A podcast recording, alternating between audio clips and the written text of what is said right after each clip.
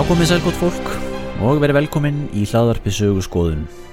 Andri Jónsson heit ég og með mér að vanda er minn hressi og skemmtilegi meðstjórnandi sem ætlar að fá að kynna sig sjálfur. Já, Ólafur Hersandsson Það er ekki ekki að vera komin aftur í hlaðvarp, það er nú aldeilis, við erum aldeilis upp til að láta býða eftir okkur núna þessu, að þessu sinni. Já, við höfum þótt að býða hans eftir okkur Það hefur verið nóg af öðrum verkefnum Já, svona vegna Anna.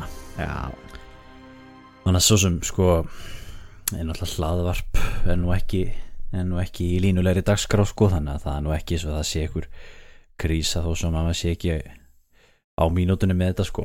nei, En- það er allt í lagi. En þetta er náttúrulega svona rútína bara hjá manni sko, maður er hann vanur því að að vera alltaf að taka upp sko aðra hverju viku. Mm, Algjörlega. Hérna svona sirka einhvern veginn. Já, þetta er nú svona fastur liður í rútínunni mitt Já. Nákvæmlega. Og hérna og þetta gengur áfram hjá okkur eins og, eins og annað. Þegar það eru að fara að koma eldgoss hjá okkur hérna á skerinu.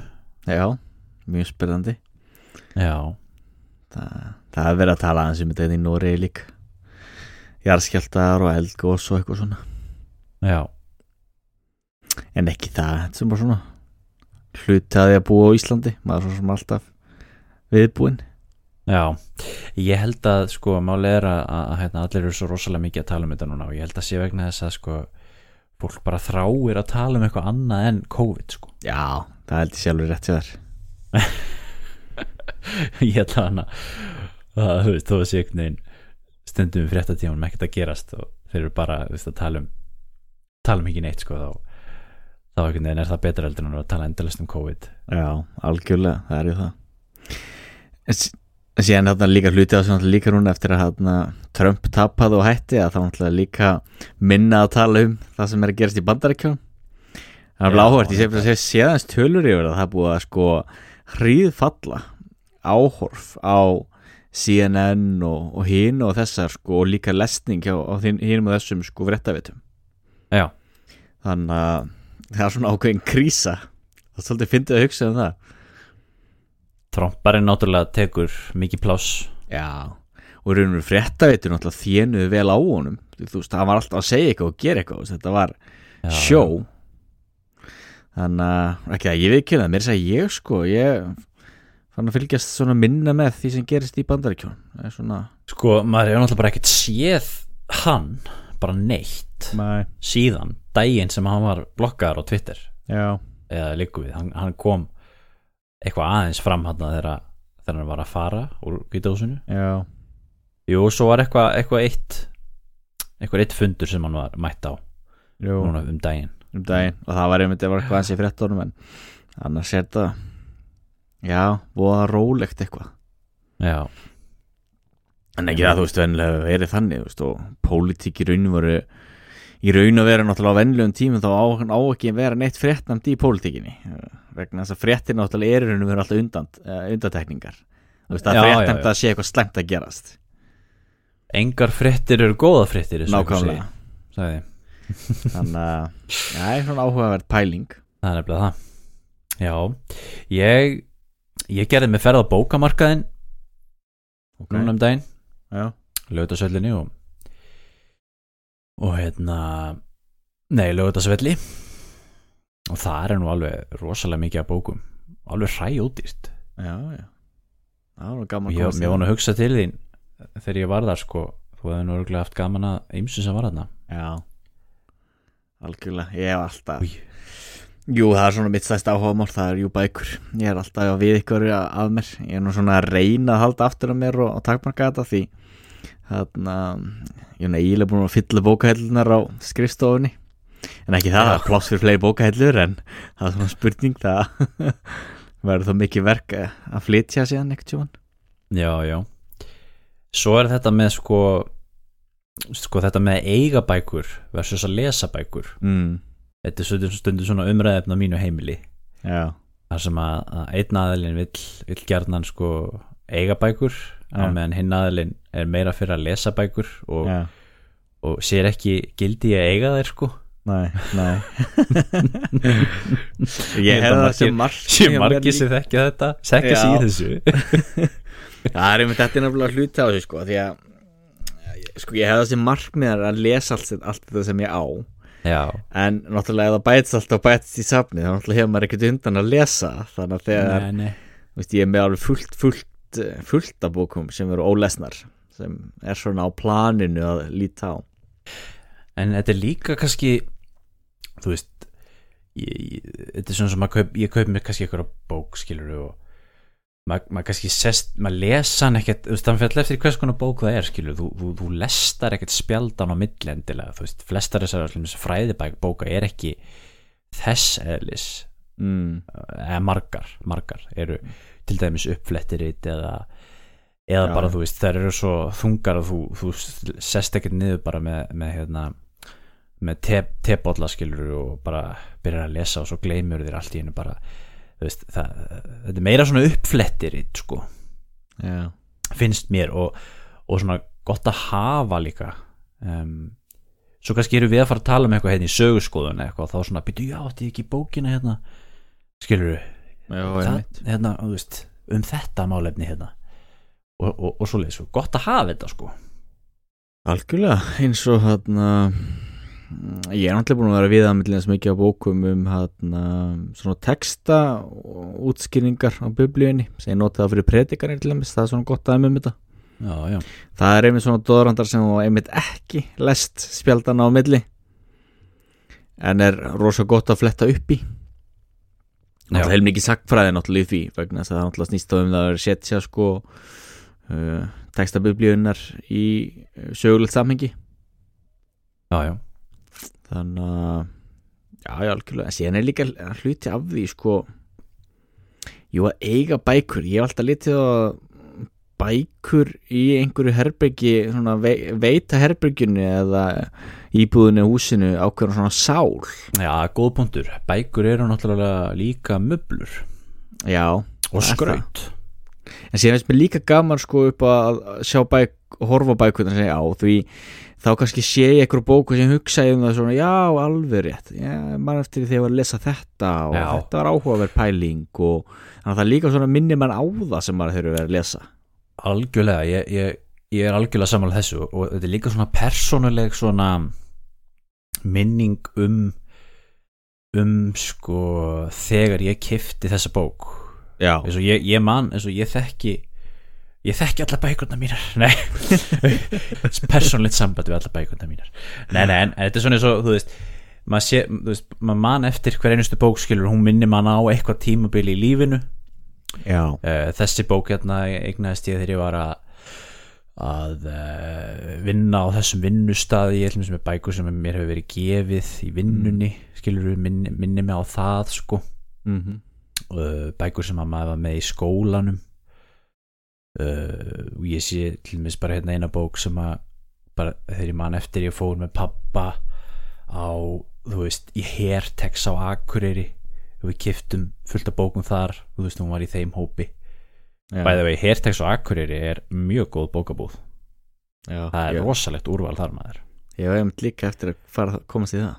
Já, já, þannig að þetta er svolítið þannig líka já, það er það. Og sér náttúrulega líka bara gaman að líka eins og það tala um það að vera mublur sko, ég er náttúrulega líka verið að safna bókum og keift bækur út og það séu fallegar og séu svona ákveði stofu stás því er náttúrulega Jú, hluta þessu líka veist, og hérna heima fyrir er ég bara með fallegustu bækurnar á meðan að uh, megna svona fræðiritum og kiljur og eitthvað þannig, það er ég bara með á skrifstofunni veist, það, Já, er ekkert eitthvað sem fer vel í hillu, það er meira svona praktist jú, jú, nákvæmlega. Hérna- Lærdómsritin til dæmis, þau er ég með hérna á góðum stað. Já, þú ert að safna þeim. Já. Einmitt. Uh Já, og, og lesa er náttúrulega líka hluti af söfnuninni. Já, já. En ekki það, það situr ofta á hakanum, ég les ekki mislegt annað áður en ég grípi eitthvað að lært á sér Já, en um, svo náttúrulega þetta eru, eru gjafir líka, mann er oft gefna bækur í gjafir og það er þá Mm. eitthvað sem mann er þykir vendum út af því. Já, já, algjörlega. Og hérna svo, svo stundum þegar maður kaupir bækur í svona, svona, svona second hand búðum og svo leiðis þá, þá sér maður svo sko, stundum svona innilegt eitthvað sem er skrifað í þær Eins og eins og sko eitthvað bók hérna eitthvað Þór, Þórbergur Þórðarsson eða eitthvað, eitthvað bók sem ég kefti stendur fremst sko hérna veist, jólin 1969 eitthvað þú veist, elsku tinna. Já, bara takk fyrir góðar stundir á árinu kveðja Guðríður eða eitthvað. Mm. Nei. en talandu bækur ég hérna, nei talandu bókamarkaðin ég, ég hérna sem sagt dröslaði mér hann að nýritir og varð mér út um bók sem að ég valdi að vera á leiðin að kaupa sem að er nú allir, allir góðu sagfræðingar þurfa að eiga í sínu safni sem að er sem að er uh, Íslandsaga A til U Mm. eftir Einar Lagsnes sem að kom út fyrir nokkurum áratugum Já, alveg mjög hendugt uppflettirinn þetta er svona alfræð í Já. fyrir, fyrir Íslandsulega hugtök. Kom út aftur núna 2015 eða maður rétt. Hvernig kom aftur fyrst kom hún aftur út í, í hérna fyrsta? 1974 já. Svo var þetta endur útgefin okkur sinnum. Já, og hérna var núna síðast endur útgefið í, í nýju bindi það sem að Pétur Hrafn Átnason og Einar Lagsnes eru skráðið sem höfundar. Ég var reyndar að hugsa sko ætti þetta ekki að vera bara á netinu sko? Mm. þú veist, akkur er þetta ekki tekið svo, þú veist, allur þessi gagnagrunnur og settu bara á bara svona Wikipedia form Algjörlega, ætti að vera einhvern veginn þannig. Það ætti nefnilega að vera það sko. Þú veist, það er bækur eru skemmtilegar og svona en og kannski tengist þetta svolítið þessu sem þú veist að segja með þú veist að bækur eru líka möblur og skraut. Að akkurat svona tegundabók er miklu meira praktík heldur en skraut. Hún er mjög nýtsamleg sem uppfletti sko orðabók. Mm. bara þú veist hvað er hérna, landshöfðingi eða eitthvað, bara fletti því upp. Og, og, og, og að því að þetta er bara praktík þá, þá ætti þetta náttúrulega að vera á netinu sko, mm. Sem svona, bara svona viki Algjörlega, það væri náttúrulega mjög þægilegt og náttúrulega mikið fljótar að fletta upp í þessu og, og finna hvað sem þú ert að leita já. En eitt gott dæmi sem tekist þessu ég held að það verið hérna eitthvað fylki í Noregi sem að ætlaði að skrifa ætlaði, var búin, búin að leggja fyrir pening sem átti að fara í að skrifa sögu sögu fylkisins, það var Möru og Rúmstal Mæli Ja. og Rúmstalur og hérna, og það var ákveðið sko í staði fyrir að gefa út eitthvað, fá okkur eitthvað sakfræðingar til að skrifa þetta og, og gefa þetta út í einhverju saka hérna, bók, bókaflokki eða eitthvað þá var ákveðið að skrifa bara bara mjög flottar Wikipedia greinar í staðin Já, já, og, og hérna, og það var miklu ódýrara í framleiðslu og náttúrulega nær miklu meiri útbreiðslu já, það er mjög sniðt það aðtekli verið um, tilrun jafnvel Algjörlega, það er ju það. Og Wikipedia er náttúrulega mjög sniðugt eimsu leiti en, en ekki það, ég var að sjá það eitthvað staðar einn af þessum stopnendum Wikipedia er vist að byrja með nýtt prógram. Er það kallið sem er alltaf að væla um pening endalust Nei, ja, ég veit það ekki. Þessi, þessi var að væli yfir því að það væri svo mikil hérna vinstri slagsíða í ákveðum Nú. greinum þannig að hann vil þá reyna, finnst Wikipedia ekki vera nógu hlutlaust orðið. Þannig að þetta ætlar að reyna að stopna nýtt. En gallir er bara með allt svona þú veist það skiptir ekki máli hver er að skrifa eða hvað þú ert að gera. Þú ert öll viðfangsefni eru alltaf hérna allir nálgast viðfangsefni frá einhverjum sjónarhóli. Já, þannig að en síðan náttúrulega sjón- sjónarhólin getur náttúrulega verið misgóður en hvað ætlar hann að fá okkur að þú veist hægri sinna höfunda til þess að skrifa Wikipedia greinarnar Nei, hann vill það nefnilega ekki heldur því hann vill að það sé sko hlutlaust.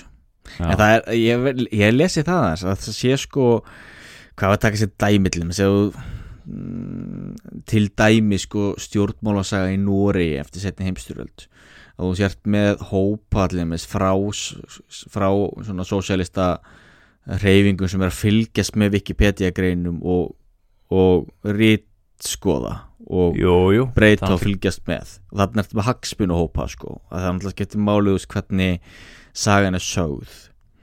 Á meðan að þú veist, jú eins og ef þú ert að tala um einhverju miðaldasögu veist, það er svo meginn enginn eitthvað að fylgjast með því en, en þú ert komið með pólitíku svona, þetta er eins og með er ekki, þetta síðan eins og Obama er hún ekki læst til dæmis Jú, jú, en þetta er samt sko Trump. gildir um, um allt sko, líka með Algjörlega. að, að þú veist, það getur náttúrulega verið einhver ákveðin bara sögurskoðun sem kemur fram þar sem að getur verið til dæmis, þú veist, ég, ef, ef mér langaði til, get ég svo sem náttúrulega lesi eitthvað miðaldagreinar og, og það, ef það væri baráttumál fyrir mig að fegra sögu kirkjunar getur ég náttúrulega einhvern veginn komið svona kirkju slagsíðu í söguna Já, en, ég svo sem hef ekkert kynnt mér nákvæmlega sko hvernig Wikipedia virkar sko, hvernig en, en ég held nú að það sé erfitt að sérstaklega á þessum stóru síðum og þessum stóru tungumálum sko, það er rosalega mikið fyrst með því og, og mikil gæðastjórnun á því sko.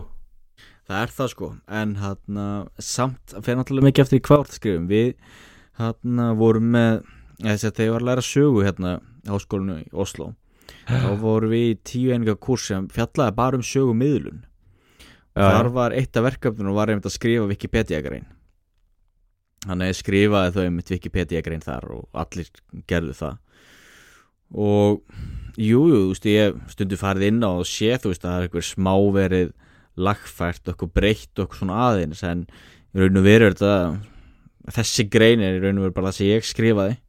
Já, en já, uh, en það er náttúrulega, veist, ég skrifa náttúrulega ekkert um eitthvað sem allir er að er að leita að. það er hann að ég skrifaði um heilagan Gwyn Fór sem var svona mjóhundur sem var tekin í dýrlingatölu. Já, það er ekkit kannski svona allir að leita því sko. Nei, það er frekar svona jaðar hvað við segja, jaðarefni. Nákvæmlega. En en, en, ekki það, ég get alveg trúið samt ef ég myndi til að fara hún að búa til eitthvað kjæftæði mm. Jú, ég held nú að menn myndi nú taka eftir því á endanum sko fjarlægi eða Mm. laga eða eitthvað. Þú veist til þess að ég myndi búa til eitthvað landnámsmenn og eitthvað svona. Já, en það er samt spurning, náttúrulega gæti náttúrulega líka það veist að hver sem er náttúrulega getur opnað og farið þarna inn. Í raun og veru það er létt að fá aðgang en þessi náttúrulega er samt líka ákveð aðhald í því að allir hafi sam, svona auðveldan aðgang. Hugmyndafræðin er náttúrulega svo að þetta sé algjörlega self-regulated. Nei, það er það ekki, því það er alls konar einhverju svona moderatorar og Jú, það er það einhvers konar reitstjórar hana það er það sko. En veistu að það er fullt af fólki á Íslandi sem að skrifa mikið inn á Wikipedia og Já, þú veist, sem bara hefur rosalega mikla kunnátt um þetta sko. Og við, ég hef bara núl kunnátt um þetta sko Nei, og ég veit líka voða, lítið um þetta í raun ég, en hann en samt ég hef alltaf verið voðalega gaggrinnin og skeftiskur út í gaggrinni á Wikipedia eins og maður heyrði svo oft sko kennarar og svo að segja að það væri ekki væri lélegar heimildir og ekki hægt að treysta át og svona en ég, ég viðkenni það alveg ánæs að hika ég notaði Wikipedia mjög mikið í mínu sagfræðinámi ekki til þess að vísa þá beint í Wikipedia Nei, nei. heldur til þess að fara inn og lesa svona yfirlit yfir hitt og þetta. já, já, já, það gera upp á- já, ártöl og hitt og þetta, alveg svinnvirkar. Og líka síðan að skoða hvað heimildir þeir vísa í, því þeir vísa náttúrulega venjulega í tröstar heimildir. Já, ég meina, ég held að það gerir það allir. Já, ég sérstaklega í dag en ég man bara svo vel þegar ég allan þegar við, þegar við vorum í framhaldsskóla og heyrði líka eitthvað aðeins að við háskólan líka þess að stöðu Wikipedia gaggrinni Já, já, jú, jú. Mm En við ættum kannski að fara að kasta okkur í umræðafni dagsins. Hörðu, já. Uh, Við vorum hér í síðasta þetta að, að ræðum síðaskiptin og, og hérna Jón Arason sem að var kallaður síðast íslendingurinn vegna þess að uh, sömum uh, þótti uh, þóttu síðaskiptin vera vera svona vendipunktur í sögu Íslands þar sem að uh, þar sem að Ísland var fært meira á vald Dana. Uh, og uh, það held ég sé alveg rétt vegna þess að siðskiptin uh, fóru fólu í sér aukið konungsvald. Og þess að náttúrulega konungsvaldi lág í Danmörku þá má alveg færa rauk fyrir því að það hefur verið aukið vald Dana. Og um, þetta var náttúrulega upphafið eða kannski ekki upphafið þetta var áframhald kannski af ákveðinu þróun en, en svona, svona mílusteinn í, í ákveðinu þróun sem er að eiga sér stað á síðmiðöldum og ár nýjöld sem er bara efling konungsvalds og, og fæðing nútíma ríkisins. Og uh, já, hvert er ég nú komin með þetta? Allavega hana uh, Ísland var þarna hluti af danska ríkinu. Og uh, Ísland er ekki lengur hluti af danska ríkinu eins og glöggi hlustendur höflust átt að sjá. En því hefur stundu verið flegt fram að, að Ísland hafi verið nýlenda dana. Og uh, og svona þegar ég fór að spá aðeins í þessu þá kannski er ekkert margir sem hafa sagt það beint sko einhverju fræðimenn eða eða málsmetandi aðilar sem hafa sagt og hafa fært rauk fyrir því sérstaklega að meira svona að þetta sé kannski í svona munnmælum. Já, og, og svona fólk það er meira svona eins og hafi oft verið gert bara ráð fyrir því að við höfum verið nýlenda dana dönsku nýlenda, Ísland var dönsku nýlenda. Og og, og, og eftir sjálfstæðisbaratuna þá erum við það ekki lengur. Við erum þó orðin svona postkolonial samfélag mm. ef svo má orðið komast. Og hérna og ég fór til mér sem nú tímarit.is og var aðeins bara svona, þú veist að skoða orðræðu þar inni frá 20 stöld. Og þar sér maður náttúrulega bara mjög mörg dæmi það sem að þú veist, bara þetta er talað um þetta bara svona í framhjólaupi, bara eins og þetta sé sjálfsæður hlutur, bara þú veist já við Íslendingar vorum nú nýlenda dana í 600 ár, svo við ættum nú að vita hvernig þjóðir Afríku hafa það núna sem eru í sjálfstæðisbaráttu, eða eitthvað svona. Já, já. Uh, uh, við Íslendingar ættu nú nú að skilja baráttu Nelson Mandela fyrir mannréttindum en það voru við nú sjálfur nýlendu þjóð eða eitthvað svona. Mm. uh, annað dæmi getur við séð til dæmis úr, úr um, um, orðræðum hérna herstöðina og NATO og þetta og vinstri orðræðu vinstrimanna um, við ja, Íslendingar vorum nýlenda uh, dana í hundruði ára ætlu við að aftur að fara að vera nýlenda bandaríkjamanna eða eitthvað svo leis uh, látum ekki Ísland aftur verða nýlenda. Þetta, þetta var mjög oft notað, þetta orðalag. Og Já. sér þetta líka í tengslu við hérna uh, svo þessi þjóðurnis uh, þjóðurnis orðaða sem kemur alltaf upp líka á tíunda áratögnum í teng- tengslu við Erbjörnsambandi og eða-samningin og, og bara allt þetta, þú veist, það er þetta sko við vorum nýlenda og við ætlum ekki aftur að verða nýlenda. Og margir fræðmenn hafa svona þurft að færa rauk fyrir því sko hvort Ísland var í rauninni nýlenda og Mm. svolítið svona mythbusting. Já, og við ætlum að ræða þetta í dag. Jó Það er einmitt þetta, var Ísland nýlenda eða ekki? Svo spurning, eh, taka stutt á svarið og langa svarið sko stuttasvarið er náttúrulega nei, Nei, já. Stutt á svarið er nei. En langasvarið uh, góðu hlustundur, setið ykkur í stendlingar nú byrja langasvarið Já. En fyrst, hérna, ég er einmitt búin að hugsa um þetta, núna búin að sigast og, og, og sérstaklega ég er búin að hugsa um þetta nýlendu hugtak. Já, og hvað það í raun og veru bara hugtaki nýlenda er að ýmsu leiti þýðir ekki neitt. Nei, nei. Því sko ok uh, rómverskir herrmenn sem voru búin að berjast uh, hér og þar um rómverska keisaradæmið ok, þeir voru orðin þreyttir og, og vildu stofna fjölskyldur og síðan voru þeir settir niður eitthvað staðar í Ungverlandi og stofnuðu nýlendu já, ok uh, breskir trúar ofstækis menn sem uh, fannst sitt samfélag vera allt og frjálslind og vildi fá að búa við trúarofstæki heldur til bandaríkjana og stofnum þar nýlendu. Ok er þetta sama fyrirbrið nei, þú getur eiginlega ekki sagt það. Eða Þískaland að berjast fyrir því að ná undir sér Bismarcks eigjar fyrir undan ströndu Nýja Sjáland, nei hérna Papua Nýjagínu uh, Bretar í Ghana þú veist, við kallum það líka nýlendu. Jú, jú. Þú veist það er svo rosalega mikill munur á öllu Jú, jú, og þú getur líka alveg sagt sko þýskir eh, landnemar í, í hérna Rekskommissariat Ostland í stríðinu nákvæmlega við, við, við, það sem áður var sko Eistarhalsríkin og Hvítarúsland og eitthvað fólk sem var flutt þang, eða kannski náðum ekki svo langt en, en allan í Pólandi þú veist, fólk sem að flutti inn, inn, inn, inn, í slík svæði sko og, urðu í rauninni svona urðu í rauninni svona nýlendu samskipti þar á milli, milli þjóðverjana og, og slavana. Já, alveg svo, alveg svo var fyrir breyta og indverja eða eitthvað. Já, og svo eru líka, ég er líka verið að hugsa um dæmi sko mm, af hverju er til dæmis þá uh, Katalónia til dæmis þá á Spáni. Mm. af hverju er Katalónia þá ekki nýlenda?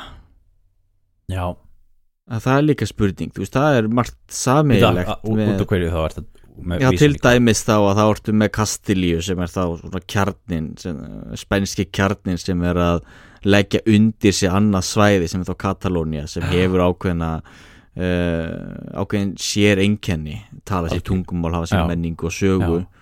Og ég finnst samt aldrei kalla það nýlendu.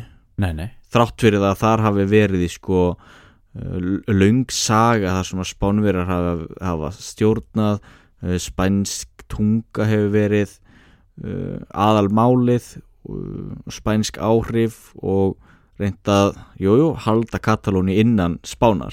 Jú, jú. Eða allir þess bara Frakland til dæmis, þegar að hérna, franska byltingin átt sér stað það er mjög áhugavert að franska eins og við þekkjum henni í dag veist, það var bara fyrst og fremst svo máliska sem var tölu í kringum París og þar.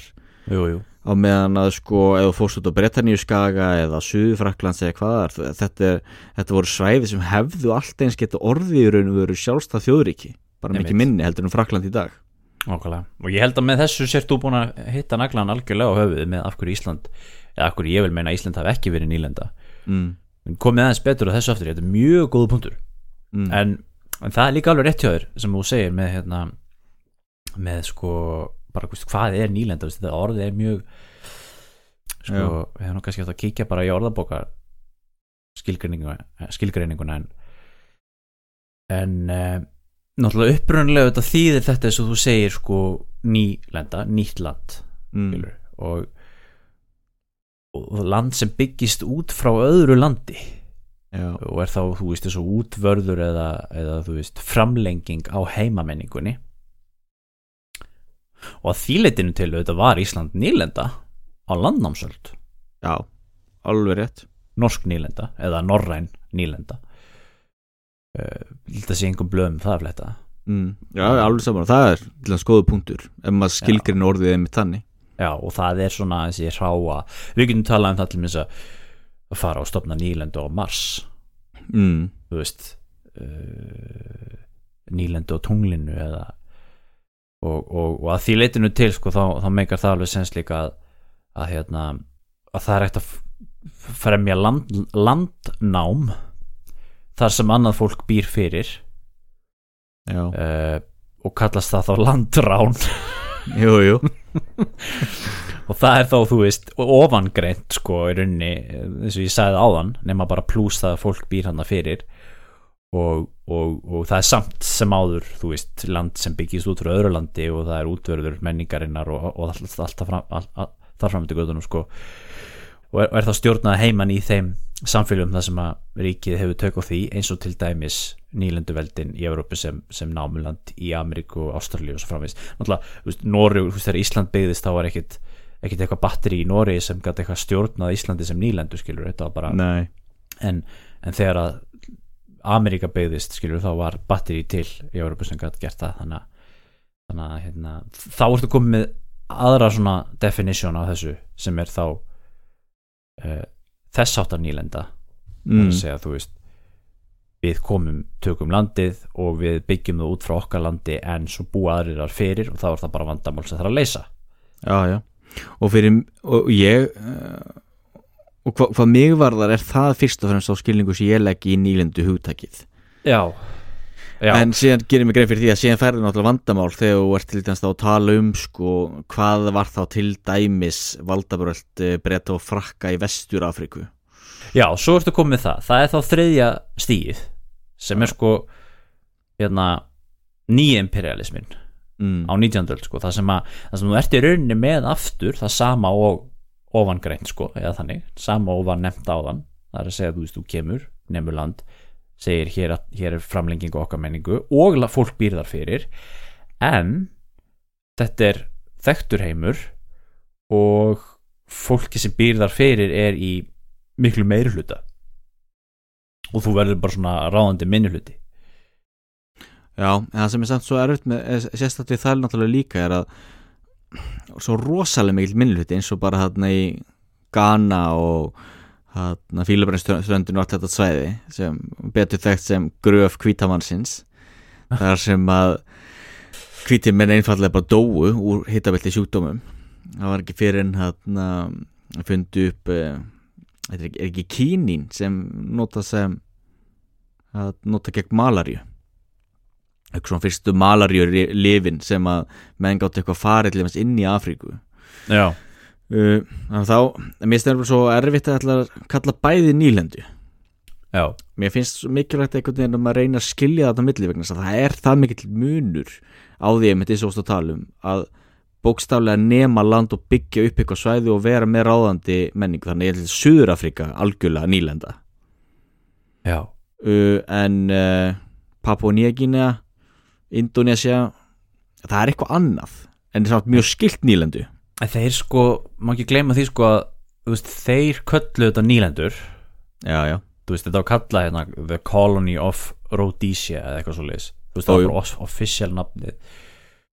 Og þeir þó svo þeir hafa verið í miklu minni hluta þú veist, þessir landnemar í þessum löndum eh, heldur en fólki sem bjóða fyrir og, og, og minni hlutar í, í svona settler eins og Kanada og Bandaríkjónum og Australíu og svona mm, þá, þá voru þeir samt sko veist það, var samfélag uh, bretta í Ródesíu uh, sem var bara alveg eins og áframhald af Bretlandi skilur þó þeir hafi verið mjög fáir og, og hafi síðan farið bara þegar landi fekk sjálfstæði eða hvernig sem það var í þekki það ekki alveg. Jú, jú, skilur hvað ég meina? Það var svona var í rauninni svona svipuðum mjög svipað. Jú, jú, þegar þú ert að tala um það til þeim þegar þú ert að tala um belgísku Kongo sem voru eiginlega engir belgar veist, það var bara já, einhver pínlítil elita í borginni sem svona óbeint stýrði. Já, já. En svo náttúrulega gáttu menn talað um þess notað önnur orð um, þú veist, menn hafa talað um hérna overseas territories og, já, já En ekki að, auðvitað náttúrulega notaði nýlendu hugtaki náttúrulega líka vegna þetta er náttúrulega rótgróið hugtak í uh, klassískri menningu. Rómverja náttúrulega tölu um nýlendur og koloni náttúrulega kemur bara beint úr latíninni Jú, jú, og það er einmitt eftir þá aftur móti koma aðra nýlendu vegna að það er þá tengt sko uh, til þess borgum þá, grískar nýlendur var það þá já, já, fóru ykkur frá Aþenu og stopnuðu nýja borg en það er alltaf náttúrulega með þetta polis hérna, borg á grísku, polis samfélagið Já. en síðan náttúrulega getur maður líka spurt sig eða jú, jú, náttúrulega í fræðilegur umræði er náttúrulega mikilvægt að skilgarina þetta allt. Mm, en kannski að mikilvægast er náttúrulega bara að gera sér grein fyrir því náttúrulega við erum náttúrulega að tala um eitthvað nýlundastöfnan er náttúrulega svo stórt fyrirbriði sem hefur náttúrulega átt sér mismunandi byrtingamindir upp í gegnum söguna. Já, þar sem að einmitt eins og við erum búin að nefna núna jú, Ísland var þá nýlenda á landamsöld en eftir það þá getur ekki lengur talað um Ísland sem nýlendu vegna þess að nýlendustefna sem kemur setna er það öð, mikið öðruvísi, það er frábröðið já, al- algjörlega. Þetta er þessi þrjú stig. Sko, þessi, þetta er allt mismundi frá hvort öðru. Já, en mér finnst samt þetta orð vera hægt að nota um þetta allt saman. Mér finnst þú geta sagt sko var um, var Ísland nýlenda á, á landasöld? Já. Var uh, Brasilia nýlenda á 16. öld? Já. Var Ghana nýlenda á 19. öld? Já. Mér finnst þetta orð þýða þessa þrjá mismunandi hluti sko. mm. en, en já, ok, og, og þá að Íslandi uh, þú segir, já, það var það, var það á landasöld, það var það ekki eftir og ég held að, að það sé hérna uh, tengist stöðu landsins sko innan danska ríkisins uh, og, og náttúrulega Danir náttúrulega uh, voru með alvöru nýlendur. Danska ríkið var náttúrulega nýlenduveldi upp á þennan sem, í, í, þessum skilningi hérna, nýja imperialisman sem þeir voru með lönd það sem að bjófólk á að annari menningu og með, og með hérna, annan litarhátt. Og var það undirlegt kynþáttahyggju sem að, sem að, sem að þriðastig orðsins nýlendu ef við má þannig orðið komast mm. uh, byggir á. Og á því byggir náttúrulega líka þessi eftirlendufræði post-kolonialismin og það allt saman.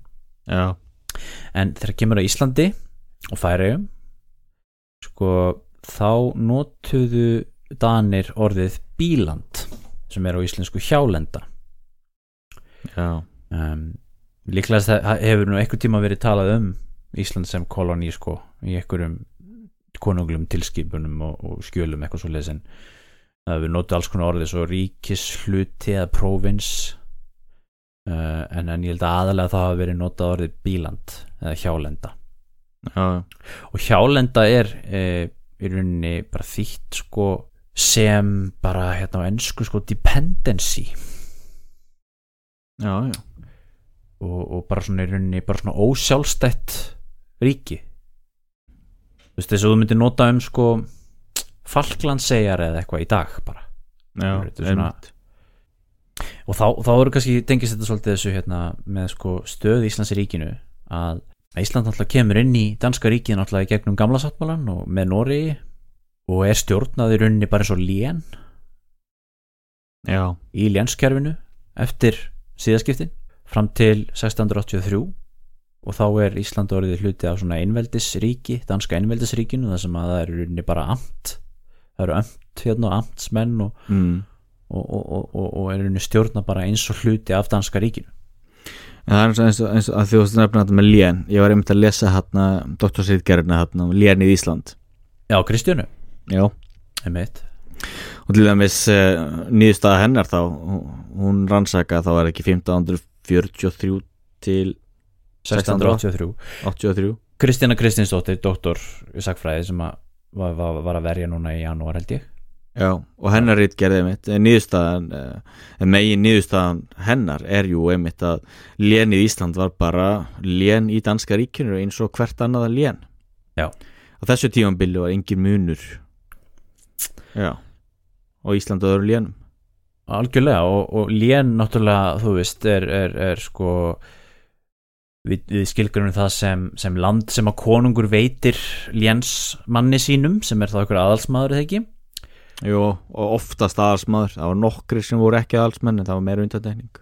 Já, og hérna og, og hann bara eins og, eins og við þekkjum bara, bara skólabókar kennslunni okkar um lénskerfið að, þú veist, hann stjórnar þessu landi og tekur af því tekjur og, og, og, og ski- skilar herþjónust í staðinn þannig var það á miðöldum þó að eftir síðaskipti þá verður það minna um það uh, Já. svo kvöldu, hvað kallaði hann þetta í, hvað, hún var ekki þjónustulén ef þú ert að, ef þú fær lénið og, og skilar hersskildu í staðinn en Jú, annars var þetta afgjaldslén og, og reikningslén sem var Já, og það fór líka Já. eftir sko, hvort að þeir voru á föstum launum þá frá konginum eða hvort Já. þeir fengu laun af tekjum landsins eða mitt og sér fór þá þetta strax byrja að þróast yfir í svona hálgjara stjórnsýslu sko.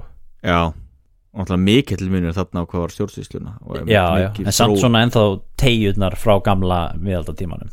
Já, já. Þetta er mjög aðtegluverð doktorsritgerð. Já, hún er það og mjög ítarlega og nákvæm. Já, og hún náttúrulega það sem hún er að gera þarna er að hún er að sko tjastla saman sko skjalasafni bestastaða sem að í veistu, er ekki til sem einhver, eitthvað eitt skjalasafn sem er bara hún í kjallar á bestastöðum skilur heldur er þetta alls konar skjöl sem að liggja í, í alls konar skjalasafnum í Dóti Danmörku og þjóðskjalasafni og, og þú veist, hér og þar sko. Að því séu líka eitt sem þetta var stórmerkelt við þetta. Já, núna erum við búin að tala um Ísland. Og, við höfum ekkert sagt hvað við meinum með Íslandi heldur. Ok við, við erum bara búin að gera ráð fyrir þú í að það Ísland sem við erum að tala um er jú þá allt, þá íslenska þjóðvildi eins og það er núna. En til þess á þessum tíma voru vestmanni er ekki hluti af þessu léni Ísland, Nei. Íslandsléninu. Heldur var vestmanni er sér eining Já, það er alveg sem mjög áhugavert fyrirbríða því fyrir mér fannst að var það svo sjálfsagt að jú, vestmanni er að vera hluti af þessu. Já ég náði aldrei okkur í vestmanni var ekki með þessu pakka uh, ég man það ekki nákvæmlega það hafði ekki með verslun að gera og eitthvað slíkt? Jú, var það þá bara prívat eign konungsins eða? uh, gæti það verið eitthvað Nei, þannig maður það ekki. En já, allavega Ísland var lén, eins og öll önnur lén í Danaveldi. Mm, uh, uh, Færegar voru eitt lén líka.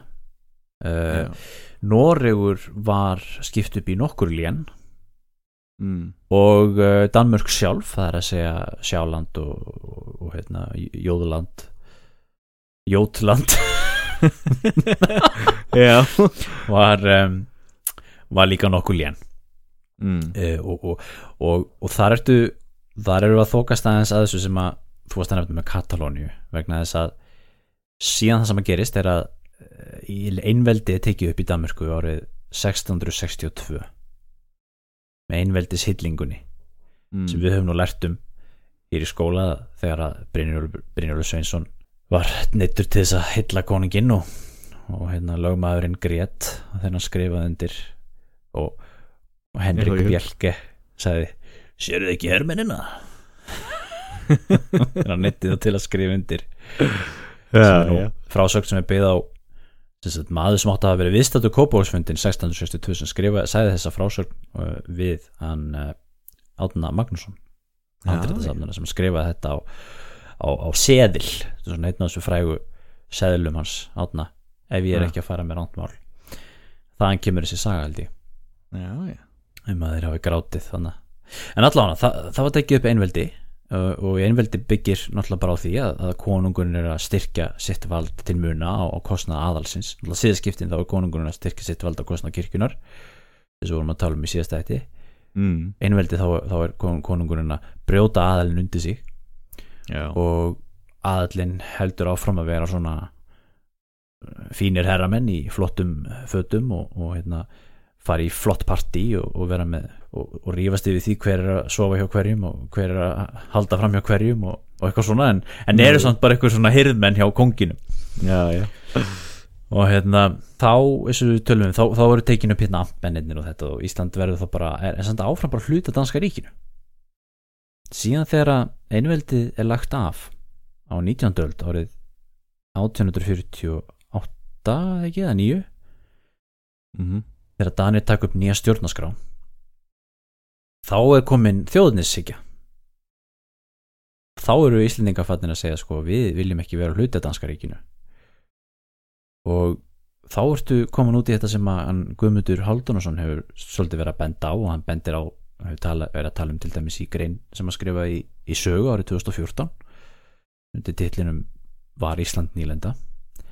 Að einmitt á þessum tíma sko þá er rauninni sko innveldið að renna þá er, þá er, þá er, þá er danska ríki að konsoliderast og það er það, veist, og, og svo þróun leiðir bara í þá átt að, að sko margir mismunandi hlutar af ríkinu þeir eru að renna saman í, í eitt ríki eða í eina heild sem er danska þjóðríkið sko og, og þú veist já, já. samrunni ríkisins á tíma, tímum einveldisins öll, öll litlu lénin skiluru við prófum að sko hugsa burt þjóðir og þjóðinsikju skiluru, hugsaum þetta bara sem mismundi lén. Veist, það er Ísland, það er Færiðar það eru eru litlu löndin í Nóri það er Slesvík og Holstein og allt þetta. Og svo er það að, að, að, að, veist, þjappast saman og renna saman. Veist, miðstýringin þetta er centralisering og samþjöppun valds en þegar útkomin á 19. öld þá ertu komið með þjóðninsíkjuna og hún virka þá líka þannig að stundum við, ákveða þessi hlutar herðu, við viljum ekki vera hluti af þessari þessum samruna og það er það sem að gerist til dæmis í, þú veist, Östuríki Ungverlandi skilur við, að í staðin fyrir að þú veist, allt þetta samansapna af einhverjum erfðaríkjum Östuríki, Ungverland, Tjekkland Slovakia, hvað þetta heit Silesia, Mm. Slovenia Bosnia, eða hvað, eða Bosnia konar reynda setna, ja. Þegar þetta byrjar að renna saman þá, þá í staðin fyrir að þeir sko vilji vera saman þá segja, herr nei, við viljum vera okkar eigið þjóðriki mm. og þá gerist það á Íslandi líka að Ísland, að þá fara þeir að segja nei, herru, við erum eigin þjóð. Sjáðu bara gamla sáttmála og við erum, vil, viljum ekki fá þessa stjórnarskar frá ykkur Danir, við viljum vera okkar eigin þjóð. Og, og þess vegna verður Ísland ekki með í þessari þjóðríkismyndun. En eins og þú sagðir í spá, spáni í, í staðina þá varð runnu bara þessir hlutar saman í eitt ríki og það gerist á spáni, það gerist í Fraklandi eins og þú veist að segja Mm. En það sem er svo áhort við þetta líka þá er mitt að sko að þú, að þú nefnir þetta, þú veist að einveldi er lagt af Já. ástæðan fyrir því er náttúrulega að menn missa þessa tiltrú á veldi konungsins og rétti konungsins til þess að stýra Mm. og það sem er alltaf svo áhugavert líka að þú sérð hvernig það helst saman eftir því sem konungsvaldi þá síðan veikist og að það sem þessi lén áttu sammeil þá voru, var konungurinn og konungsfjölskyldan. Já, og þegar þú missir þetta þá þarftu alltaf að samena, sameinast á bakvið eitthvað annað. Og þá náttúrulega verður þjóðurinsíkjan uh, þetta nýja sameiningarafl. Já, já, já einmitt, já. En náttúrulega gallið við það náttúrulega að þú ert þá með ríki sem áður var sameinað af konunginum sem er af já, tilherri mismöndu þjóðurðum Já, þannig að til dæmis á, í Danmörku til dæmis á þessum tíma þarna verður til sko mm, þjóðar ímyndi Danmörkur verður til þarna. Já, þegar að Danmörku tapar síðan hann stríðinu gegn uh, Austuríki og Þískalandi er það ekki 1862 já, minnst það að missa þetta Slesvik Holstein. Já, já. og, og Danmörk verður svona minna, minn lítið ríki. Þá til dæmis sko uh, var það Grundvík sem er svona einn af þessum hvað maður kalla og ennsku talar, talar oft um intellectual já. uh, sem næri mikið meir heldur en bara fræðimaður eða slíkt því uh, hann var sko prestur en hann var líka hann rítöfundur heimsbyggingur, sagfræðingur skrifaði salma og slíkt já. og virkur í pólitík og, og Grundvík til dæmis voru mikið sko laði grunninn að dönsku þjóðarsálinni já. sem sko lítið ríki rí- lítið danst ríki.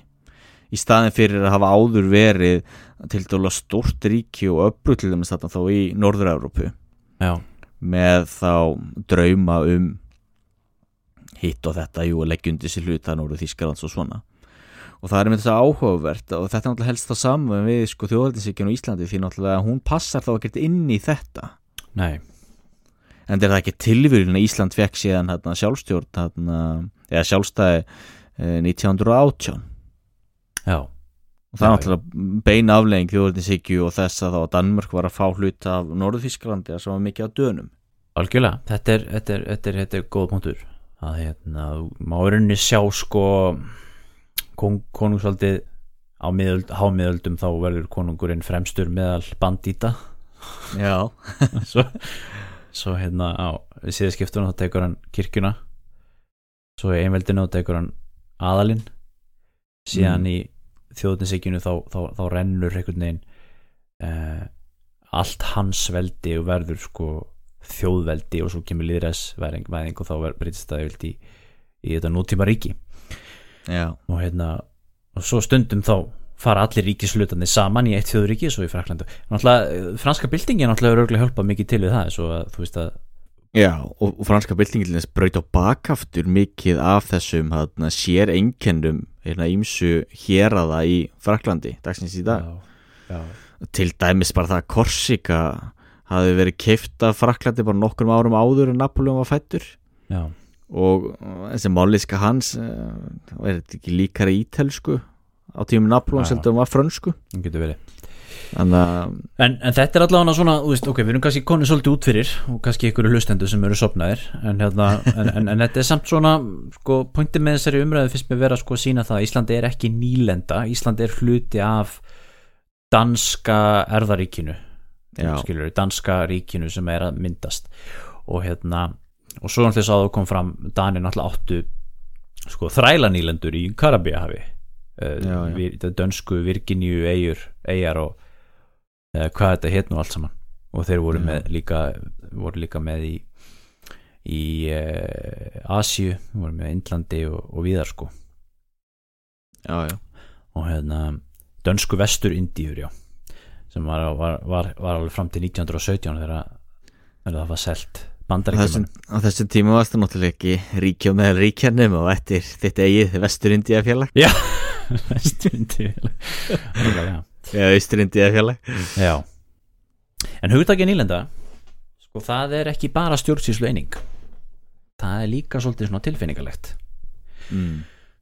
og sko það hefur um, náttúrulega verið uh, svona almenn hefð í íslenskri sagnarutun sko að að, að um, tala ekki um Ísland sem nýlendu það hefur verið svolítið svona no no sko fræðimenn já, og, og, og nota þá orðið hjálenda frekar og, og það er kannski hluti af sjálfstæðisbaratunni sem að sko Jón Sigursson myndar með sinni sögurskoðun mm. og hann mér talar um það sko að, að hérna e, e, þú veist að Í- Íslendingar hafi ekki verið nýlenda en e, Danir hins vegar hegðuðu sér eins og nýlendu herrar og, og þetta er svona kannski svona orðeða sem að var svolítið í sjálfstæðisbaratu orðeðinni svona. Svona hljómaði, endur hljómur af þessu þess, þessari hugmynd sko. Lí, líka, það er líka sko að ákveðin svona mentalitet nýlendu þjóða sko. Að, að, að, að við upplifum okkur svolítið stundum eins og nýlendu þjóð af því að við vorum í sjálfstæðisbaratu og það kemur náttúrulega þetta sem ég var að nefna hérna alveg upphafi með þú veist að ætlum við að vera nýlenda aftur og allt þetta sko. Það er einmitt það. Og hangir það ekki líka saman með sko uh, þessari hugmyndum að Ísland hafi verið eitt fátækasta ríki Evrópu? Að sko verður ekki sagan flottari?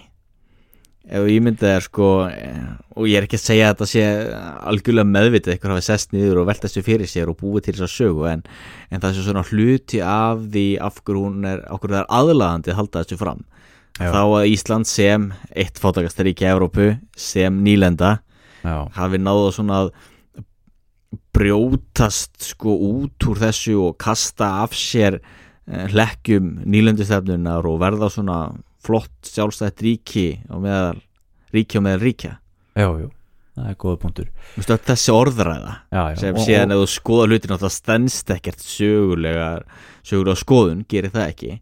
En þetta er svolítið svona romantísk ímyndun og allir eiga sér eitthvað skona ímynd. Meira sér í Noregi er talað um Noreg sem eitt af fátækst ríkjum í Európu já, já, þú veist að því að það er að flott saga. Þú veist Já. í merkingunum, þú veist hver er ekki hrifin af eitthvað svona underdog sögu? Þú veist að þess vegna sem við horfum alltaf á þannig í, í bíómyndunum. Já, já, já, já.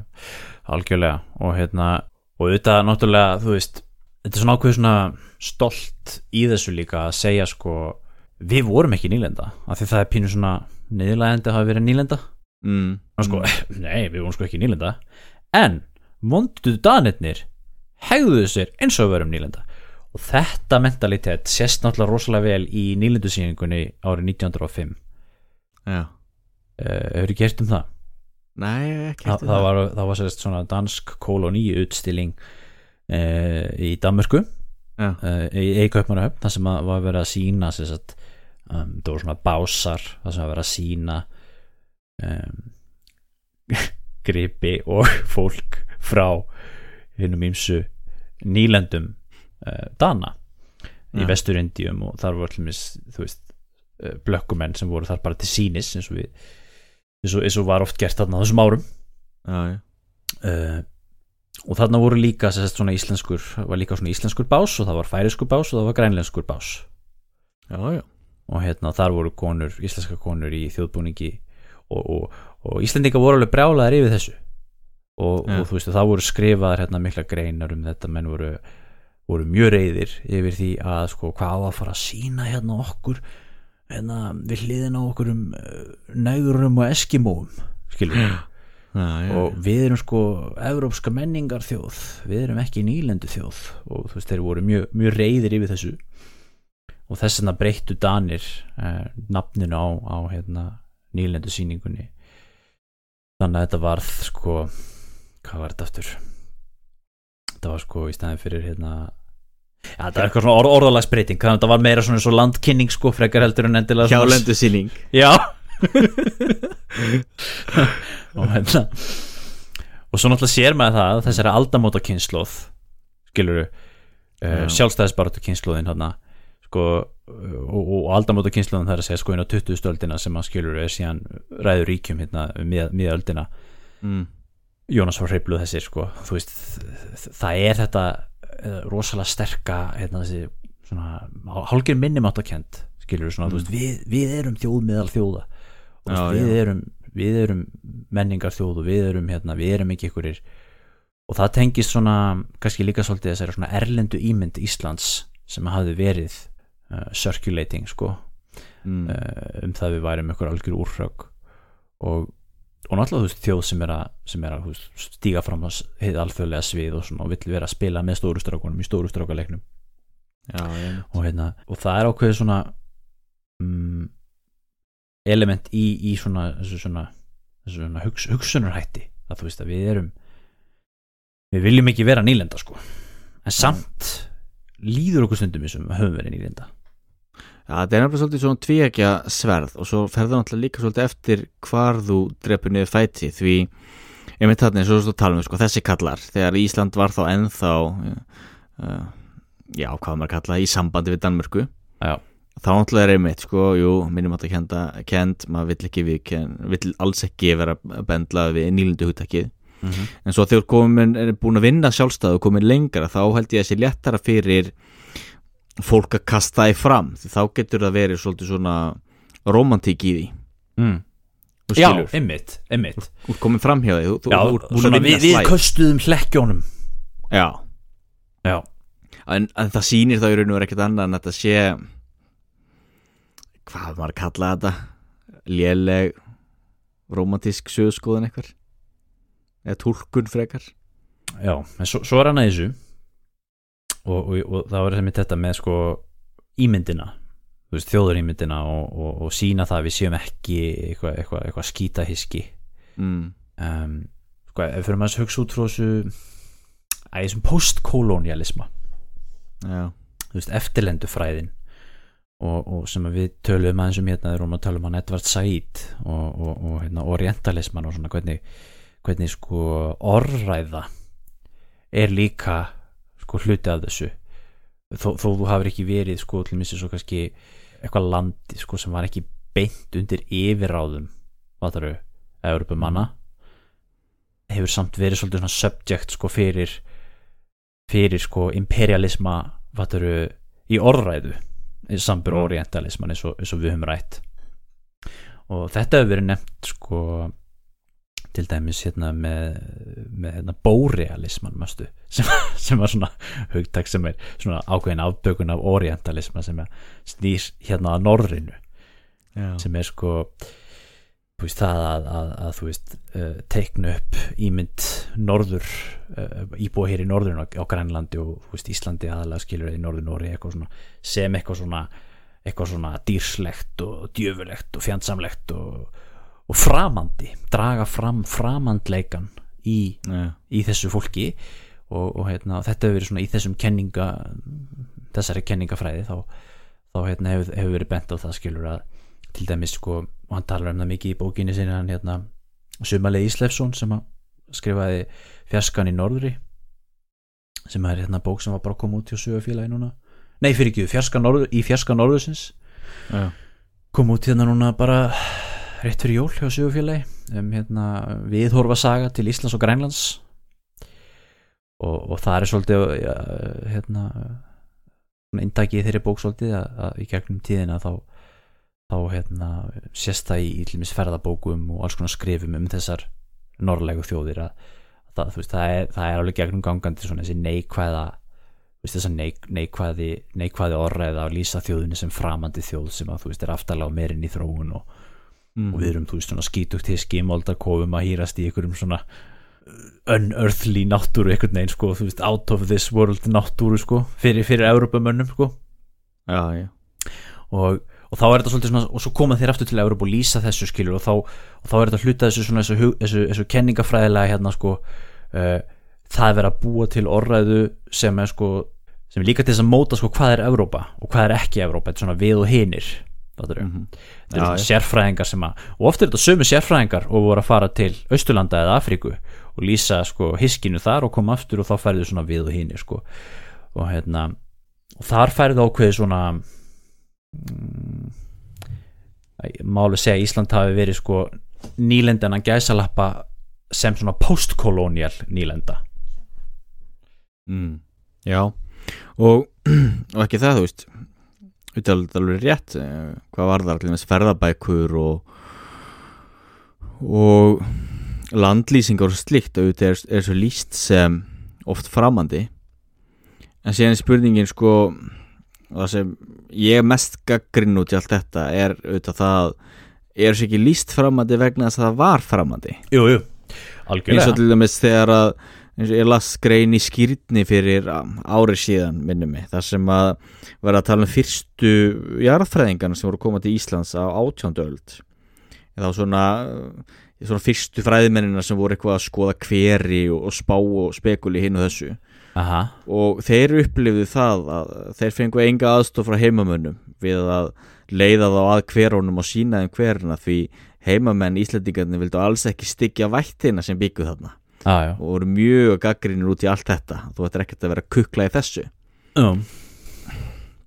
Auðvitað er þetta náttúrulega framandi fyrir eitthvað frá Lundunum eða Kaupanahöfn Já, þú veist það er svo mikið Já, já. og að því að það sem já, sko ég náttúrulega verið að hérna læra þetta mannfræði og þetta er náttúrulega voðalega stert þar sko. Alltaf verið að tala um þetta sko othering. Já, þetta verið að búa og mér stæðir alltaf verið í að því að það sé verið að búa til að eitthvað sé framandi. Já. Og meðan ég get ekki betur séð en oft er það bara þannig að eitthvað er mjög framandi og þess vegna er því líst sem mjög framandi. Jú, jú, það er alveg rétt hjá þér, það er framandi. Já, en en sko með því að tala um það sem framandi og, og, og þegar það fylgir sko líka vald í orðaðinu sko mm, uh, orð er vald sko líka. Þá að því leiti fyrst mér þetta tengjast sko af hverju Ís- voru Íslendinga með minnumáttakend mm, og, og, og eru með minnumáttakend eftir þetta. Þó svo hefum ekki verið sko nýlenda essin sko landin okkar var rænt af dönum. Það var ekki þannig. Nei, nei samt líður okkur stundum eins og nýlendu og getur það ekki svolítið verið líka þú veist út af þessu að í Evrópu voru við sett á bás eins og, eins og innan gæðsalappa nægrar og eskimóar til þess að nota það orðalag sem að, sem að menn notuðu á fyrirluta 20. Já, já. aldar algjörlega ég held að alveg rétt að það hangir auðvitað saman með og einmitt minnum átt að kent já, yfir því hvað þetta hafi verið frumstæð eins og til dæmis það, ég las það hvena kom fyrstu, fyrstu hjólpuruna til Íslands, ég held að það hafi bara verið um 800 og eitthvað. Já, já. Svo náttúrulega í þessu alls konar sko náttúrulega hérna þetta er náttúrulega ekki líka bara að vera það er ekki bara að vera að lýsa því sem að menn sáu heldur var þetta líka rosalega ríkjur og sumaliði hérna talar um þetta í bókinni sko að þú veist hérna það voru sæskrimsli skilur og það voru mm. veist draugar og galdur og villimannsleir hættir skilur risar, dvergar uh, fólk var að geta hvort annað uh, menn voru að drekka sjó þú veist, já, alls konar svona bull sko já, já. til dæmis þarna, mjö- mjög áhvert þegar við í dagallumis horfum á fjöll og, og svona ósnortna náttúru þá sá, sjáum við venjulegi því einhverja fegurð. Já, ef þú lest til dæmis landlýsingar uh, hérna mm, í Nóri þar sem við til dæmis verið að lýsa uh, Lófótinsvæðinu og einmitt þess, svona ósnortinni fjallanáttúru Já. þá er þessu oft lýst sem alveg einstaklega ljótu landsvæði. Já, um mitt og, en það er náttúrulega en það, það hangi líka saman með sko að okkur finnst þessi náttúru svo falleg vegna þess að við búum náttúrulega í tilbúnu samfélagi sem er borgarsamfélagi já, og með alla okkar tækni að þá eru fjöllin ekki eins hættulegu voru áður fyrir já, já, þú getur rétt ímyndað er hversu ljótt er ju ekki fjallið eða heiðin ef þú þarft að fara yfir hana og þú ert ekki með neina nútíma tækni þú ert bara í einhverjum villar fatnaði, þú ert ekki í gúmistífulum með neitt slíkt, þannig að þú blotta fljótt í fætunar já, að því að sko það er líka bara heil kapitúli út af fyrir sig sko hvað þess að upplifun manna af náttúrunni þetta er algjörlega nútíma fyrirbreyði að finnast ósnótti náttúru svona falleg algjörlega, svo munum allir þessi túristar sem komum til Íslands í dag til þess að sjá náttúruna já, og svo getur maður séð í ferðabókum frá 18. og 19. öld sko, túristar sem að koma til Íslands og eru bara að tala um þetta bara hryllileg skelvileg, helvísk náttúra hérna, sko. já, já, bara þú veist bara, ég, mér líður þessi sér komin hérna, þú veist, til helvítis eða eitthvað, Mm. sko að sjá þessi því- fjöll og, og þessi já að, því, að því að fyrir þeim er þá það sem er fallið náttúra er þá sko skipluðu náttúra. Það eru þú veist eh, eh, akrar og ávakstagarðar og eitthvað slíkt já. vegna þess að það er náttúrulega líka öryggi í því. Já, já, að- Nákvæmlega, þannig að ég held að þetta sé hérna, þetta er svona, huglægt. Það er oft, alltaf svolítið erfitt að tala um eitthvað sem er huglægt en mm, maður getur ekki sett fingur á það alltaf en, en, en þetta er orðræða er er hérna sk- skipti máli og hérna finnst mér allavega. Já, já, hún gerir það. og, og, og Grænland svo byrja saman við Grænland náttúrulega þetta er, er sko nei, veist, það, það voru hlutir á Græn- Grænlandi sem var ekki á Íslandi til dæmis og eins og til dæmis sko fjölmenn fjölmenn stjett Dana sko sem að sem að var Mm. elitan landsins sko og mannaði allar helstu stjórnunastuður, það var náttúrulega ekki á Íslandi. Og, og það sér þú náttúrulega undatekningalöst í öllum nýlendum skilur Mhm. það er auðvitað þannig í, í hérna Ródesíu og, og Ghana svo nefnum þau dæmi bara aftur sko. Náttúrulega hvítir Európumenn sem að, breytar þá skilur sem að stjórna öllum öllu slíku. Og það, það var náttúrulega á Grænlandi bara lengi framan af sko veist, það sem Mm. allir prestar voru danskir og allir embætsmenn voru danskir og eitthvað svoleiðis og það náttúrulega var ekki hér og er þetta ekki meira svo að segja mikið svona í, í Grænlandi en þann dag í dag held ég Já, þú er ekki að fullir um það en, en þetta var allan svona lengi og, og svo náttúrulega hérna, náttúrulega menningamunurinn er náttúrulega líka sá að, að náttúrulega kynþáttahyggjan spila svo mikið inn í þetta og hérna og Mm. það er náttúrulega því fyrir, að, að því var auðvitað að skipta í tilfelli Grænlands en náttúrulega ekki endilega hér á Íslandi þar sem við erum bara sama þannig séð að sama segðu þessu á Danir sko og Danir náttúrulega lita á okkur sem svona menningar þjóð sem að var að geima menningararfin og svona já, svo þannig er í þessu líka sko að, að, að sumaliði segir að sko að að 16. og 17. öld sko þá þá voru oft talað um Ísland og Grænland sko í sam, sömu andrá sem svona eitthvað svona skítapleis sko en síðan þegar kemur svona 20, 19. og 20. öld þá fyrir þetta að breyta svolítið þá fara löndin alltaf að færast í ólíkar áttir vegna þú veist, þessara kynþáttuhyggju og þjóðnishyggju og svona og Já. þá sko fer Ísland að fá meiri svona svip svona hins mentaða lands og, og notar einmitt hugtaki Hellas norðursins að því Já, að þú veist, þú, þú varst með svipað í Greiklandi sko, það sem varst með hérna, ykkur svona kalla sem voru að fara mhm það sem þið voru Já. að fara og, og hérna, veist, voru ekkert að spá í sko Greiklandi eins og var í dag heldur sko forn Greiklandi að því það Já. var svo frábært það var svo frábært og meðan að það er til dæmis ekkert annað nefn bara tilbúningur allt þetta mm.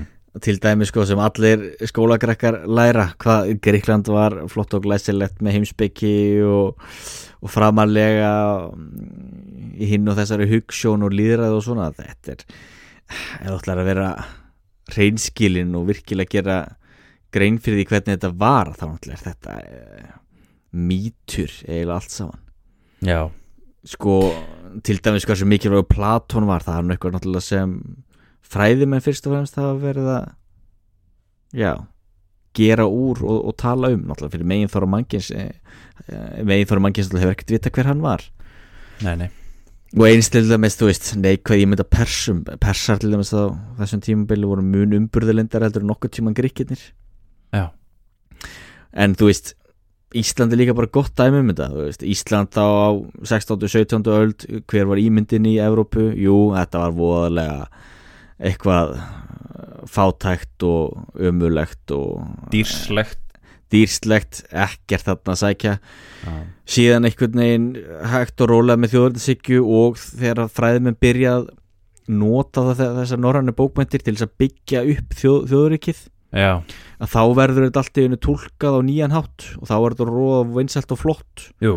Og til dæmis í dag eh, þegar maður segir í Nóri að maður sé frá Íslandi að þá er næstu því eins og maður sé sko eitthvað skonar álfur eða eitthvað skonar eitthvað svona undra fyrirbrið allir uppveðrast allir, það er svo spennandi og flott og glæsilegt að vera frá Íslandi. Já, já, já, mér þú nefndir þetta hérna þú varum að tala um nasistara Já, nákvæmlega þeir eru gott að um þetta. Já, og þetta sýnir bara svo vel já, hvernig uh, hlutin eru túlkaðir á já, hverjum tíma. Já, algjörlega. Þetta sé góða punktur sko. Sögurskoðinin, við erum alltaf þar. Jú, jú. En herðu, svo er annað þessu. Já, og það er uh, efnahárin já, og uh, Haldur Bjarnason sagfræðingur um, skrifaði svolítið um efnahagsögu Íslands á þessum árum. Hann lést uh, ég man ég var, var, var nefandi hjá honum þegar hann, hann, var, hann, þegar hann lést sín tíma og í kjölfar þess var, var hérna haldið minni mig að hafa verið haldið málþing nýri háskóla sem einmitt Já. bara yfirskriftina var Ísland nýlenda þetta hefur svona Já, 2010 eða eitthvað og hérna hann var svolítið upptekinn af þessum málefnum og, og hérna skrifaði þarna doktorsrit gerðum um, um utaríkisveslun Íslands sko um, kringum, kringum 1900 sko síðluta 19. aldar, fyrirluta 20. aldar og hann vill meina það að Ísland hafi verið nýlenda að því leiti að sko verslunar umhverfið hérna og efnahags umhverfið var áþekkt því sem að þekkist í nýlendu ríkjum. Og það er náttúrulega líka þannig að sko kapitalismin hvað ég segja, þú veist þá, þá tengist það svo mikið sko nýlend, nýlend, nýlendustefni eða imperialismi og kapitalismi og yðnvæðing og það Já. allt saman sko já, merkantilismin. Já og merkatilismin og, það, og þar er sko Ísland algjörlega í hlutverki sko nýlendu þjóðar þegar kemur að þessu. Og Haldur segir það til minns að hérna já, Ísland hafi algjörlega verið nýlenda vegna þess að sko 1662 þá er Íslandi stjórna frá Danmörku og fordréttindir gefin upp og, og, og, mm. og bara eins og við tölum um hérna áðan sko. Náttúrulega með auðvitað þá voru þeir náttúrulega að gefa hérna voru þeir ekki að gefa eftir sko þessi svo kallu fórnu réttindi sem var gamli samfæli, var það ekki? Jú, jú. Uh, sérstök réttindi sko og verða bara venjulegt venjuleg hluti af, af landinu. Um, þannig segir Haldur að, að þetta verið linda svo er náttúrulega má segja það allir að Guðmundur Haldursson sko hann kannski hafnar þessu viss, vissu leiti með því að benda á það að eins og við vorum að koma hérna á það sko að, að sko þó svo þeir að vera að gefa upp réttindi sín þá er þetta samt sko hluti af bara sko þú veist uh, lénsherrarnir á, á, í Danmörku voru líka að gefa upp sín réttindi þú veist, allir voru að Mm. gefa upp réttindin sín ekkert bara Íslendingar sko Næ, veist, þannig að þetta er bara svona almenn þróun efling konungsvald skilur, þetta er ekki, engin, engin krísa fyrir sjálfstæði eins og það var síðan málað upp í sjálfstæðis bara, bara svo sem aftur að því sko en, já, já.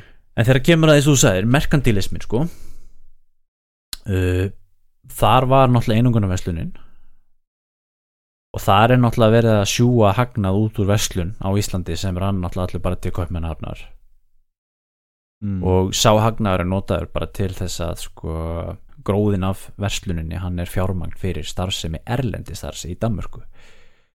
Sem er það bara sama og þú sérð bara í bara Ameríku skilur mm.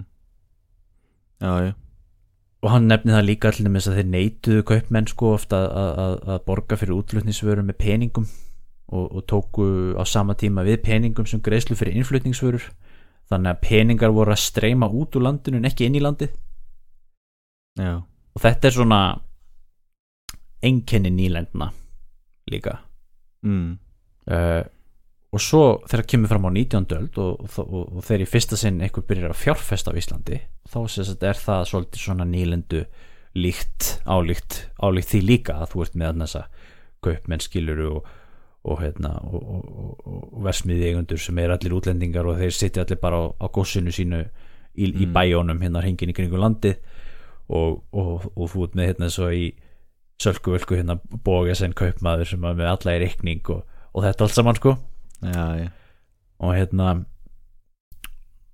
og gróði tekin úr landinu sko já. en manstu hvenær byrjuðu þeir með innréttingarnar og allt það Það var það ekki á átjöndöld já, að því en ekki það, ég ætla hef ekkert lesin eitt af því sem hann hefur skrifað en, en var það ekki samt þannig að rindi síðan ekki kongurinn og, Danmörk á stað í einhverjum verkefnum að reyna um þetta að byggja meira upp á Íslandi? Jú, og innréttingarnar, voru það ekki hluti einmitt af því? jú, jú, það getur vel verið sko. Ég þekki þetta ekki svo vel sko ég, En ekki það, ég get al, en ég sé það algjörlega fyrir mér og, og það passar náttúrulega verið við merkantilisman að það hafi verið svona framan af en sé náttúrulega spurning hversu lengi þeir hafa haldið þessu kerfi þá. Já, og hversu lengi það hafi þá verið sko já, skipulagt arðarán já, já. á nokkurar fjárfestingar á Íslandi.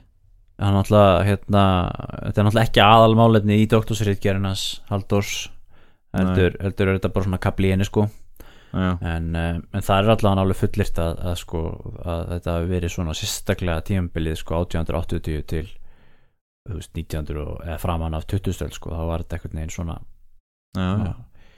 útlendinga sem að en þetta er orðið svolítið flókið sko fyrir mig, ég er, hef ekkert verið svo mikið í þessar efnaða sögu sko Nei. þannig að, en uh, já, það voru líka samt svo flókið við sefna að sögu að því jú, jú náttúrulega fyrir eftir í náttúrulega hvað menn byggja og hvernig menn gera þetta. Veist, Kongo til dæmis er náttúrulega gott dæmi um bara þess að menn hafa náttúrulega bara verið að flytja út pening en uh, uh, önnur samfélag náttúrulega hafa náðu einmitt að rífa sig upp einmitt af því að það var fjárfæst í þeim og, og eitthvað byggt upp. Já, en náttúrulega mjög flókið ætla að gera grein fyrir því náttúrulega hvaða er skipti máli. Til dæmis ég var að lesa það uh, í mannfræðikursi sem ég tók núna fyrir jól hvort það var ekki Sambía mm, gengið svona vel í Sambíu uh, á sjött og sjöunda ártögnum. Það var bara blómleg byggð og uh, rosa uppgangur og, og gekk mjög vel. Það var þá mik mikið út á sko koparnámum og slíku. En síðan eftir en upp úr sjálfstæði og síðan eftir því sem að hérna, verð fyrir kopar lekkaðu og svona þá fór það allt á já fór það allt á niðurleið. En byrju Sambía er það ekki Norður Rótesía Jú, er það ekki? jú, það var Norður Rótesía fram til 64 þetta hefur verið algjört svona apartheid sko dæmið þarna á þessum tíma sem þú ert að tala um hérna gullöld hérna Sambíu. Sambíu, já. Það hefur líklegast verið sko bara hann einhver fámennur hvítur hvít yfirstjætt sem hefur verið að lifa einhverju voða góðu lífið þarna. Ekki bara það því það er að sama með hana, Zimbabwe. Eða nei Zimbabwe er það ekki í Suðurótsja Zimbabwe? Með honum Mugabe og allt það. Það var Um. tiltölulega blómlegt ríki þangað til að emitt að þarna svo stjórn fjall eins ömölu og svo stjórn náttúrulega var en og síðan náttúrulega tók hver uh, landi frá hvítu bændunum og, og í kjölfara því hrundi landbúnaðurinn í þessum samfélögum. Og áður fyrir og fyrir það voru þetta, matvæla útflytjendur. En eftir að tóku við landið að þá hann brotnaði saman öll framleiðsla og síðan kom hungursneið og endaði síðan þannig að menn Mugabe meira segja grátbað hvítu bændurnar og koma aftur. Já, mitt, En- þetta var Suðurótis, já, já. Já.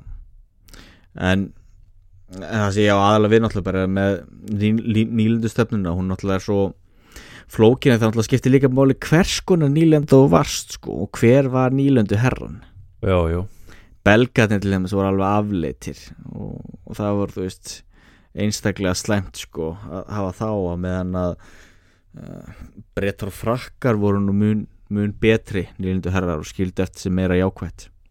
Já, já já, þetta er þetta er hérna þetta er náttúrulega flókið mál og, og hérna náttúrulega svo stutt síðan að að eh, þessar þjóði fengur sjálfstæði í rauninni í sögulegu samingi já, og hérna en um, uh, og svona út frá þessum svona postkolonialisma sko þessum eftirlendu fræðum þá, þá hérna Mhm. má bendla Íslandi við um, nýlendu stimpilinn. Aðalega kannski þessi svona þetta mentalitet og þessi minnumótakent kannski síðan og þessi framandleiki. Já, og hérna og það auðvitað hefur verið rætt svolítið líka fræðimenn á þessi ég kunni nú að nefna neitt sko svona hérna en, en það hefur nú held ég verið skrifað eitthvað ímislegt um sko Ísland út frá svona postkolonial eða hvað þessi eftirlendu fræði hatti já, ég veit til dæmis að uh, Ann-Sophie Nielsen uh, skrifaði um sko kryptokolonialism sem hefur verið því sem dullendur í tengslu við sko í tengslu við hérna Dani á Íslandi. Um, já. ég hef ekki, ekki, ekki, lesið það sko. Jú, ég kýtt mér aðeins þessi eftirlendu fræði, ég er voðalega skeptiskur út í mikið af þessu. Já, Mér finnst það vera svo litað af hugmyndafræði. Já, já það er, og það ég er raun og verið sko. út í eiginlega allar, já, að því að ja, kenning kenningar er eins og gleru ja, það skiptir máli hvað gleru þú setur upp og þá sérðu mismöndu hluti og það getur alltaf haft sína kosti en uh, það getur líka mjög svo litað allar nýðustöður og jafnvel sko skekta sem þú ert að horfa á. Jú, jú. En það er líka alltaf að ræða kenningar sko. Já, já, algjörlega, en mikið í þessum eftirlendu fræðum með postkolonialisma er mjög skakt, myndi ég að segja. Já,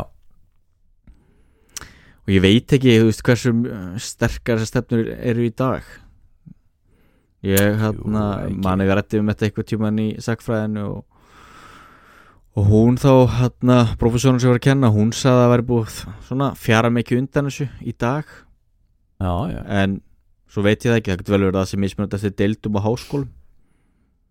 Já, það er það er örgulega allir gangur því. Ég var einmitt að hlusta podcastum daginn sem að Já, sem að hérna ætlaði einmitt að, var einmitt að segja frá hérna Byzantium and Friends. Já. Að, Það er ekki ekki nafn. Það er fara ábært nafn á hlaða og það er einhver hérna svona sakfræðingur að tala við aðra sakfræðinga og, og hérna og, og það var alltaf fyndi sko að hérna þeir voru einmitt að tala um sko eitthvað svona bandarisk, þú veist þetta voru bandaríkjumenn og tala um einhvern veginn að sko þú veist, euróska háskólandi, þeir eru það svo, sko ekki mynd ég vilja vinna ykkur með euróskum háskóla, að því sko þar er ekkert frelsi til þess að skrifa neitt að þar ertu fastur í ykkur svona kreddum sem háskólinn er búin að velja og, Ja. og það sem að pe- peningarnir eru. Uh, þú veist, á meðan við henni í bandarískum háskólum þú veist, með okkar tenjur og eitthvað svona þú veist, við getum sagt það sem við viljum og eitthvað svona, þá fór ég að hugsa bara svona veist, þetta er í rauninni nákvæmlega saman við segjum um veist, Já. við segjum ekki myndi ég vilja vinna í því þar er peningavald á meðan euróskir háskólar, ríkisháskólar þeir eru frjálsir það er svo mismyndi sjónarhótt sko. Gaman á nefnir þetta því ég var að lesa bók bara núna þar sem að hana, höfundur talaði um það að það væri bara einum stað strengri rítskoðun heldur en í Norðurkóru og það væri ennsku deildin við Yale.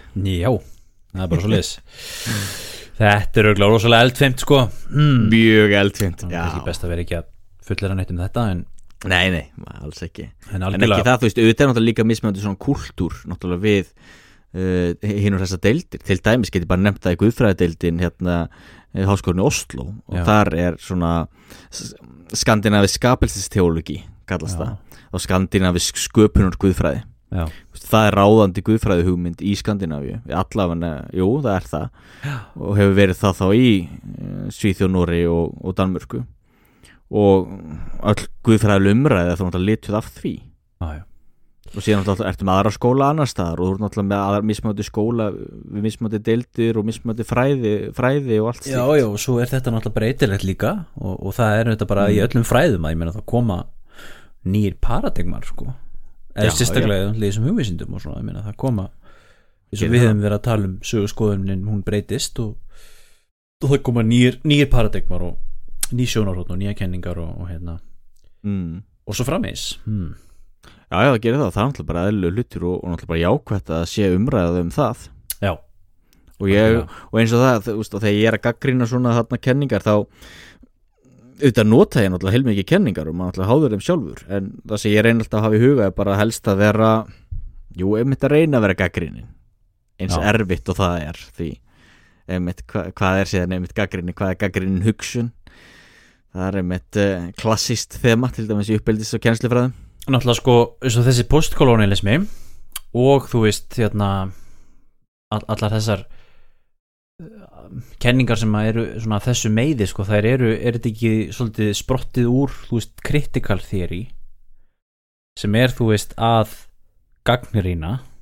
Jú, og árætur sem er ekki líka til marxisma. Já þú veist að það, það kannski er í, í, í eðli sínu sko að gagnrýna sko. Mm. og þá náttúrulega hérna ætti líka að vera í leið að gagnrýna þessar kenningar. Já, já, algjörlega. Þannig að en það er það nú grundvöllur hinnar vísindalegu húsunar það er að gagnrýna og, mm. og bæta sig hmm. Herðu, eru við ekki að fara að vera góði bara? Jú, við erum komin á tíma Hvað hérna, hver er niðurstaðan okkur? Er- Var Ísland nýlendu? Nepp Einfalt, nepp Sko, mér, mér, mér myndi segja nei og já sko Ég myndi alveg segja að þú veist Nei ekki, sko, ekki svona stopnarlega séð En Nei, þú veist, já sem svona í orðræðu og, og í, í tilfinningu og, og, og jafnvel í svona efnaðslegu sjónamiði, svona kenningalega séð en það er það einmitt langa svarið eins og tölum um sko. Langa svarið Já. er já og nei fyrir eftir hún lítur á það.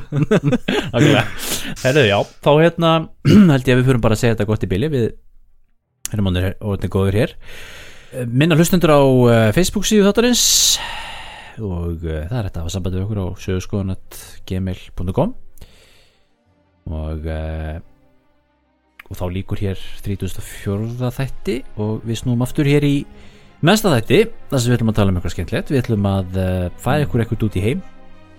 Já, tala um eitthvað erlend málefni.